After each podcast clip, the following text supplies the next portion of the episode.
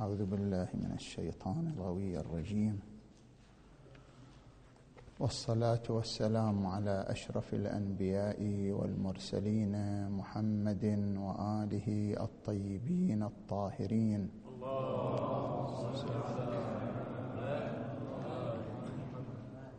ما زال الكلام في الاستدلال بهذه الآية المباركة وهي قوله تعالى وأنزل عليك الكتاب منه آيات محكمات هن أم الكتاب وأخر متشابهات. فأما الذين في قلوبهم زيغ فيتبعون ما تشابه منه ابتغاء الفتنة وابتغاء تأويله. وما يعلم تأويله إلا الله والراسخون في العلم. صدق الله العلي العظيم. في الاستدلال بها على عدم حجية ظواهر القرآن. بدعوى أن الأخذ بظواهر القرآن أخذ بالمتشابه. وقد نهى القرآن نفسه عن اتباع المتشابه. وفي الآية المباركة عدة مناقشات وتأملات في تمامية الاستدلال بها على هذه النقطة. فنتعرض هنا إلى هاتين المناقشتين وهما مناقشة السيد الشهيد السيد محمد باقر الصدر طاب ثراه ومناقشة السيد الطباطبائي صاحب الميزان قدس سره. المناقشة الأولى التي ذكرها السيد الصدر قدس سره في الجزء الرابع من بحوثه في علم الأصول صفحة 281 أن السيد الخوئي قدس سره في مصباح الأصول حمل عنوان المتشابه على المجمل. فالمتشابه لا يشمل الظاهر بل يختص بالمجمل. وهو اللفظ المردد بين مجموعة من المعاني. وبالتالي فلا يصح الاستدلال بالآية على عدم حجية الظواهر لنظر الآية للمجملات وليس للظواهر. ولكن السيد الشهيد ومعه السيد صاحب الميزان قدس سرهما ذهب إلى تفسير آخر لعنوان المتشابه. فذكر أن المقصود بالمتشابه في الآية المباركة المتشابه المصداقي وليس المتشابه المفهومي. وقد أقام السيد الشهيد قرينتين على أن المراد بالتشابه في الآية التشابه من حيث المصداق لا التشابه من حيث المفهوم. القرينة القرينة الأولى التعبير بالاتباع حيث قال فأما الذين في قلوبهم زيغ فيتبعون ما تشابه منه. واتباع الشيء فرع ظهوره إذ لولا أن اللفظ ظاهر في معنى لم يكن معنى لاتباعه. فنفس التعبير بالاتباع ظاهر في أن عنوان المتشابه لا يراد به المجمل والتشابه المفهومي كما ذكره سيدنا الخوئي قدس سره. بل المراد به التشابه المصداقي. والمقصود بالتشابه المصداقي كما شرحه السيد الصادر والسيد الطباطبائي قدس سرهما أن هناك مجموعة من العناوين في القرآن الكريم هي من حيث المفهوم واضحة. ولكن مصاديقها على نوعين. مصاديق حسية يمكن أن ينالها الإنسان بالحس ومصاديق غيبية خفية. فلذلك يتصدى الذين في قلوبهم زيغ لتطبيق هذه العناوين على المصاديق الحسية. مع أنه قد يكون المقصود بها المصاديق الغيبية. مثلا عنوان العرش في القرآن الكريم الرحمن على العرش استوى أو عنوان الكرسي وسع كرسيه السماوات والأرض أو عنوان مثلا الساق يوم يكشف عن ساق. فهذه العناوين مفهومها واضح. وإنما الكلام في المصداق العرش له مصداقان. مصداق حسي مادي ومصداق غيبي ملكوتي. لا تناله الأفهام. فالذين في قلوبهم زيغ يتبعون ما تشابه منه بمعنى أنهم يقومون بتطبيق العنوان على مصداقه الحسي دون مصداقه الغيبي باعتبار أن المصداق الحسي مأنوس لديهم قريب من أذهانهم يسهل عليهم تطبيق العناوين عليه.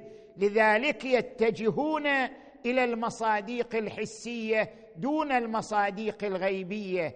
وهذا ما اعتبره القرآن الكريم اتباعا للمتشابه. فقال فأما الذين في قلوبهم زيغ فيتبعون ما تشابه منه ابتغاء الفتنة وابتغاء تأويله وما يعلم تأويله إلا الله والراسخون في العلم. هذه القرينة الأولى في الآية المباركة. القرينة الثانية على أن المراد بالتشابه التشابه المصداقي لا المفهومي هو كلمة التأويل فيتبعون ما تشابه منه ابتغاء الفتنة وابتغاء تأويله. وحينئذ نحن بين معنيين إما أن يراد بالمتشابه الذي يبتغون تأويله إما التشابه المفهومي أو التشابه المصداقي فإذا أريد به التشابه المفهومي كما حمله عليه سيدنا الخوئي وغيره من الأعلام المتقدمين.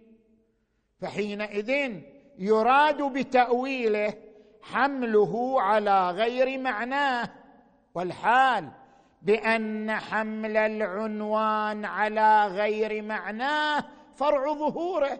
وإلا كيف يقال حمل العنوان على غير معناه؟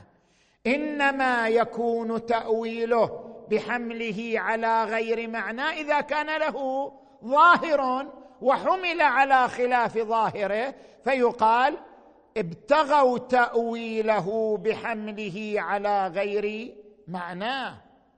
بينما إذا اتجهنا للمعنى الثاني وهو أن المراد بالتشابه التشابه المصداقي. فيكون معنى التأويل هو الجر والتطبيق بمعنى أنهم يطبقون هذا العنوان الذي له مصاديق متعددة على خصوص المصداق الحسي. وهذا ما عبر عنه القرآن بأنه تأويل.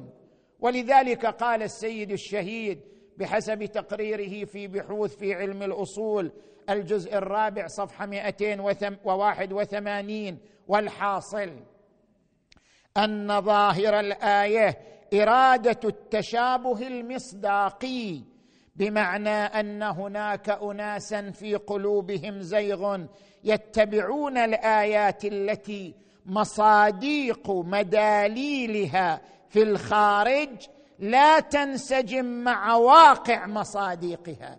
يعني يتبعون المصاديق الخارجية دون المصاديق الغيبية لأن هذه من عوا من عالم الشهود والمادة وتلك من عالم الغيب. فيطبقونها على المصاديق الحسية باعتبار عدم معرفة تلك المصاديق الغيبية. وعجز الذهن البشري عن إدراكها في هذه النشأة. ويحاولون بذلك يعني تطبيق العرش على العرش المادي وتطبيق الكرسي على الكرسي المادي إلقاء الشبهة والفتنة والبلبلة في الأذهان. وهذا مسلك عام في فهم وتفسير الآيات المتشابهة. هذا ما تعرض له السيدان قدست أسرارهما.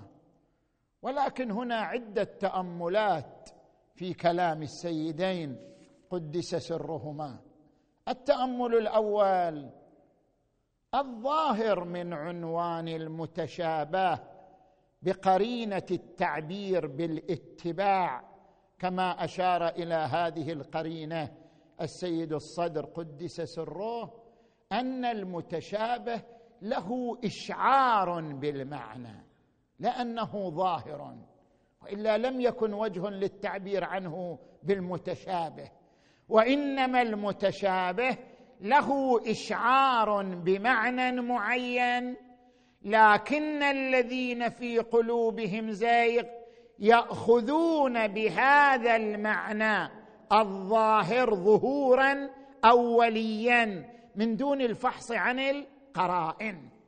فإن الأخذ بالظاهر الاولي دون الفحص عن القرائن الحالية أو الارتكازية أو العقلية البديهية أو النظر لمجموع الآيات المباركات.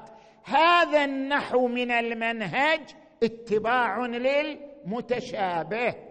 لا أن المراد بالمتشابه التشابه المصداقي بمعنى أن اللفظ ظاهر في معناه بشكل واضح وإنما مصاديقه خفية. لا بل المتشابه لفظ ظاهر في معنى ظهورا أوليا. لكن التدقيق في القرائن وملاحظة سائر الآيات يرشد إلى معنى آخر. وهم يهملون حالة الفحص والتتبع ويأخذون بالظاهر الأولي فلذلك ذم منهجهم واعتبر اتباعا للمتشابه. هذه الملاحظة الأولى. الملاحظة الثانية أن السيد صاحب الميزان قدس سره اختلف كلامه. ففي الجزء الأول من الميزان صفحة تسعة ذهب إلى أن المراد بالتشابه التشابه المصداقي كما ذهب إليه السيد الصدر. وفي الجزء الثالث صفحة واحد وعشرين عبر عن الآية المتشابهة بهذا فقال المراد بالآية المتشابهة عدم تعين معناها لفهم السامع عند استماعها بل هي مرددة بين معنى ومعنى. وبالرجوع إلى الآيات المحكمات تكون محكمة. فظاهر كلامه في الجزء الثالث أنه جرى وفق ما فهمه أعلام الأصوليين كالسيد الخوئي وغيره من أن المتشابه هو المجمل المردد بين معنيين أي أن المراد بالتشابه التشابه المفهومي لا التشابه المصداقي. الملاحظة الثالثة حمل عنوان المتشابه على التشابه المصداقي بمعنى أن اللفظ واضح المعنى غير أن مصداقه خفي. هذا حمل على خلاف الظاهر. وإلا لو قال شخص زرت المرجع اليوم ومفهوم المرجع واضح لكن مصداقه غير واضح لأن السامع لا يدري أنك زرت ايا من المراجع. فهل يقال لهذا أنك سمعت لفظا متشابها؟ ابدا. التشابه المصداقي بمعنى عدم إدراك المصداق لا يعني إطلاق عنوان المتشابه على اللفظ مع وضوح شنو؟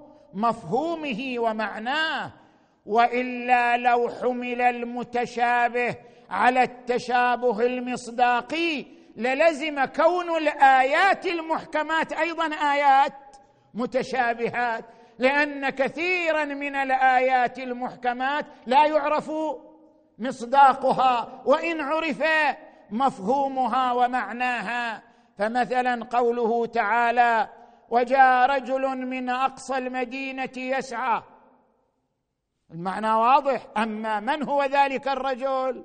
وما هو اسمه؟ هذا غير معلوم. فهل هذا تعني أنها آية متشابهة؟ أو حتى قوله تعالى الذي اعتبره سيد الميزان قدس سره أنه من الآيات المحكمة بلا كلام وهي قوله تعالى ليس كمثله شيء وهو السميع البصير. هذه الآية واضحة المفهوم لكن ما هو المصداق المثلية الذي نفي عنه تبارك وتعالى وألصق بغيره. هذا أمر مما لا يمكن لنا إدراكه دون الرجوع إلى أهل البيت صلوات الله وسلامه عليهم أجمعين. فهل هذا يعني أن هذه الآية متشابهة لأن مصداقها خفي؟ اذا التشابه إما أن يراد به التشابه المفهومي أو يراد بالتشابه ما كان له ظهور أولي لكن هذا الظهور يرتفع. لو استخدم القارئ منهج الفحص وتتبع القرائن التي ترشد إلى تحديد المعنى الواقعي. هذا تمام الكلام في المناقشة الأولى. للسيد الصدر قدس سره المناقشة الثانية وهي ما أفاده سيد الميزان. قدس سره في الجزء الثالث صفحة ثلاثة وأربعين إلى صفحة ثلاثة وخمسين. حيث تكلم قدس سره حول عنوان التأويل كلاما مفصلا وأفاد عدة مضامين في هذا المجال. المضمون الأول قال حمل التأويل حيث جرى في كلمات الأعلام التأويل حمل اللفظ على غير معناه. هكذا فسر الأعلام كلمة التأويل. سيد صاحب الميزان يقول تفسير التأويل بهذا المعنى وهو حمل اللفظ على غير معناه اصطلاح حادث ولا شاهد عليه. حتى نحمل القرآن إذا عبر بكلمة التأويل عليه. هذا المضمون الأول. المضمون الثاني في كلامه. قال إن التأويل لا يختص بالآيات المتشابهة بل يشمل جميع القرآن. وذلك ظاهر من قوله عز وجل ما كان هذا القرآن أن يفترى إلى أن قال بل كذبوا بما لم يحيطوا بعلمه ولما يأتهم تأويله وظاهر عود الضمير وظاهر من وظاهر الضمير عوده إلى القرآن ولما يأتهم تأويله وهو ظاهر في أن لكل القرآن تاويلا لا لخصوص الآيات المتشابهة. المضمون الثالث خب ما معنى تأويل القرآن إذا القرآن كله إلى تأويل؟ ما معنى تأويل القرآن؟ قال معنى تأويل القرآن أن القرآن صورة ومثال ووراء هذه الصورة واقع عيني. نسبة القرآن لذلك الواقع نسبة الجسد إلى الروح. والمثال للمتمثل مما يعني أن التأويل هو عبارة عن معرفة حقائق عينية خارجية يرشد إليها القرآن لكنها لا يمكن نيلها بالألفاظ. ولا يمكن إدراكها بالأذهان. مثلا القرآن الكريم مشتمل على مجموعة من التشريعات. ونحن لا ننال إلا الألفاظ من هذه التشريعات. وأما ملاكات هذه التشريعات والمصالح الكامنة وراء هذه التشريعات فهذه أمور عينية. لا تنال بالألفاظ ولا تنال بالأذهان. بل لا بد من إدراكها بطرق خاصة. فإرجاع آيات الأحكام إلى تلك الملاكات والمصالح الواقعية هو تأويل القرآن. مثلا في القرآن آيات مثلا تتحدث عن الله عن الواحي عن الملائكة عن عالم الغيب عن عالم الأرواح. هذه ترشد إلى واقع عيني وحقائق عينية ملكوتية لا ندركها فإرجاع القرآن إليها هو عبارة عن تأويل القرآن. فليس تأويل القرآن كما ذهب له الأعلام حمل اللفظ على غير معناه بل الألفاظ واضحة لا تحتاج إلى أن تحمل على معنى آخر. وإنما استنطاق هذه الألفاظ للوصول إلى تلك الحقائق العينية هو عبارة عن محاولة التأويل ابتغاء الفتنة وابتغاء تأويله. واستدل على ذلك بقوله تعالى وإنه في أم الكتاب لدينا لعلي حكيم أي أن القرآن في أم الكتاب حقائق ملكوتية شامخة لا تنال بالأفهام ولا يصل إليها الإنسان وهذا هو واقع تأويل القرآن الكريم. المضمون الرابع الذي ذكره سيد الميزان أنه اعتبر هذه الجملة من الآية مستأنفة. وما يعلم تأويله إلا الله وقف. بعدين تجي جملة مستأنفة ما إليها علاقة. والراسخون في العلم يقولون كل من عند ربنا. يعني الراسخون في العلم لا يعلمون تأويله بحسب الآية وما يعلم تأويله إلا الله. والراسخون في العلم يقولون كل من عند ربنا. يقولون آمنا به كل من عند ربنا. فالجملة الثانية مستأنفة وليست معطوفة على لفظ الجلالة تبارك وتعالى. نعم في آيات أخرى ربما يستفاد منها أن بعضا من العباد يعلمون القرآن كما في قوله تعالى بل هو قرآن كريم في كتاب مكنون لا يمسه إلا المطهرون بمعنى لا يعرفه إلا المطهرون. أما هذه الآية لا تدل على أنهم يعرفون التأويل. وإن كان في آيات أخرى قد يستفاد منها معرفة فئة من الناس بواقع القرآن الكريم وحقيقة القرآن الكريم. كما في قوله تعالى لا يعلم من في السماوات والأرض الغيب إلا الله. ظاهرها انحصار علم الغيب بالله. بينما هو يقول في آية أخرى عالم الغيب فلا يظهر على غيبه أحدا إلا من ارتضى من رسول. اذا لا منافاة بين الآيتين.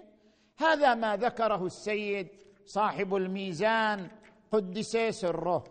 وهنا عدة ملاحظات أذكرها سريعا لتتميم المطلب.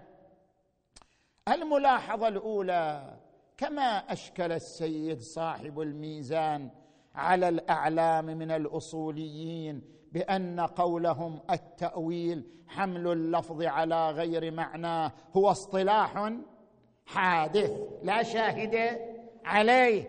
كذلك ما ذهب إليه من أن تأويل القرآن بمعنى رجوع مضامينه إلى الإشارات إلى حقائق عينية. لا تنال بالألفاظ. نحو حقيقة الحكم والموعظة والأسرار التدبيرية. للكون هذا أيضا اصطلاح. لم نجد شواهد وقرائن لغة أو عرفا أو من آيات القرآن على تحديد عنوان التأويل بهذا بهذا المعنى زين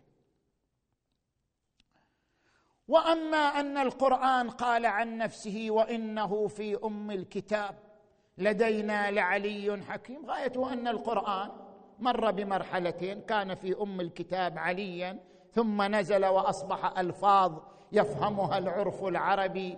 لكن هذا لا يعني أن معنى التأويل هو أن للقرآن حقائق عينية يشير إليها بألفاظه أو بمضامينه. هذه الملاحظة الأولى. الملاحظة الثانية. إن نسبة التأويل إلى القرآن كما في قوله تعالى ولما يأتهم تأويله أو قوله تعالى ولقد جئناهم بكتاب فصلناه على فصلناه على علم هدى ورحمة لقوم يؤمنون. هل ينظرون إلا تأويله؟ يوم يأتي تأويله يقول الذين نسوه من قبل قد جاءت رسل ربنا بالحق. صحيح أضيف التأويل إلى القرآن لكن هذا لا يستفاد منه أن لكل آية من القرآن تاويلا. فيكفي في صدق هذا العنوان وهو عنوان تأويل القرآن يعني تأويل ما يحتاج إلى التأويل من القرآن. يقال تأويل القرآن لم يقال تأويل كل القرآن. تأويل القرآن عنوان يصدق على تأويل ما يحتاج إلى التأويل من الآيات المتشابهة في القرآن. ولا يدل على أن جميع القرآن الكريم مما يحتاج إلى التأويل أو مما له تأويل. كما أفاد السيد قدس سره في الميزان. وإلا لو كان التأويل لكل القرآن لكانت الآيات المحكمات متشابهات ولم يبق للتقسيم. معنى يعني نحن عندما نقرأ الآية المباركة ونرى أن فيها هذا التقسيم وهي قوله تعالى هو الذي أنزل عليك الكتاب منه آيات محكمات هن أم الكتاب وأخر متشابهات. فأما الذين في قلوبهم زيغ فيتبعون ما تشابه منه ابتغاء الفتنة وابتغاء فإن ظاهره أن التأويل منصرف إلى المتشابه دون المحكم. فإذا قلنا بأن جميع القرآن له تأويل وأن التأويل هو عبارة عن الرجوع إلى المصاديق الواقعية والحقائق العينية. لم يبق فرق بين المحكمات والمتشابهات. في أن جميعها ذات تاويل والتأويل عبارة عن الرجوع بالآية إلى الحقائق العينية. وهذا يعني أن التقسيم في الآية بين المحكم والمتشابه مما لا يبقى له أثر واضح فارق بينهما. زين.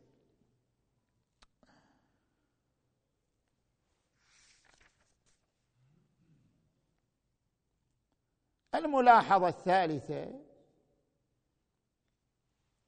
ذكر السيد صاحب الميزان قدس سره أن الجملة في قوله تعالى والراسخون في العلم جملة مستأنفة ولكن هذا مناف لصحيحة أيوب بن الحر عن أبي عبد الله عن أبي بصير عن أبي عبد الله عليه السلام قال نحن الراسخون في العلم ونحن نعلم تأويله. نحن الراسخون في العلم ونحن نعلم تأويله. فإن ظاهر الرواية بكل وضوح أن الواو في قوله والراسخون في العلم واو العطف لا واو الاستئناف. وما يعلم تأويله إلا الله والراسخون في العلم.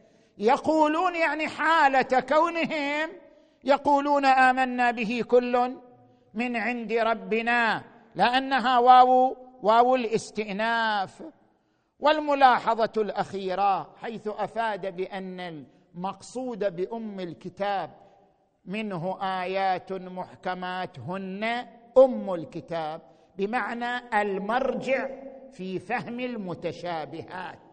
لذلك تأويل المحكمات بإرجاعها إلى المتشابهات. وهو بل إلى المحكمات عفوا.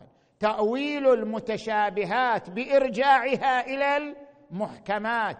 وحيث إن التأويل بمعنى إرجاع المتشابهات إلى المحكمات كانت المحكمات هن أم الكتاب أي المرجع. وهنا تأملان. التأمل الأول لا ظهور في كلمة أم الكتاب على أن المحكمات هي المرجع في فهم المتشابهات. فلعل المقصود بأم الكتاب أن المحكمات تعني الأصول الكلية والقواعد العامة في القرآن الكريم التي يتفرع عنها التفاصيل في كثير من الموارد سواء كانت من معارف الأصول أو من معارف التشريعات والفروع. ولعل المراد بأم الكتاب المحكمات التي هي المرجع في تفسير القرآن لا خصوص إرجاع المتشابه إليها. هذا اولا. وثانيا إذا كان التأويل هو عبارة عن إرجاع المتشابهات فهي عملية ممكنة للبشر. فلماذا حصر علم التأويل بالله؟ وقيل بأن قوله تعالى وما يعلم تأويله إلا الله ستوب تقف. الجملة التي بعدها هي جملة شنو؟ مستأنفة. طب إذا كانت عملية التأويل هي عبارة عن إرجاع المتشابهات إلى المحكمات. فهذه العملية أمر ممكن للذهن البشري الذي يتتبع القرائن فيقوم بإرجاع المتشابهات إلى المحكمات وبالتالي سيكون محيطا بالتأويل. فما وجه حصر علم التأويل؟ بالله عز وجل. فهذا نوع تناف بين الأمرين. بأن نقول ظاهر الآية انحصار التأويل بالله وظاهر الآية أن المحكمات هي المرجع في فهم المتشابهات. فلو رجع المت فلو رجع القارئ بالمتشابه إلى المحكم لكان ذلك تاويلا. ويأتي الكلام في بقية الوجوه التي استدل بها على عدم حجية ظواهر الكتاب والحمد لله رب العالمين.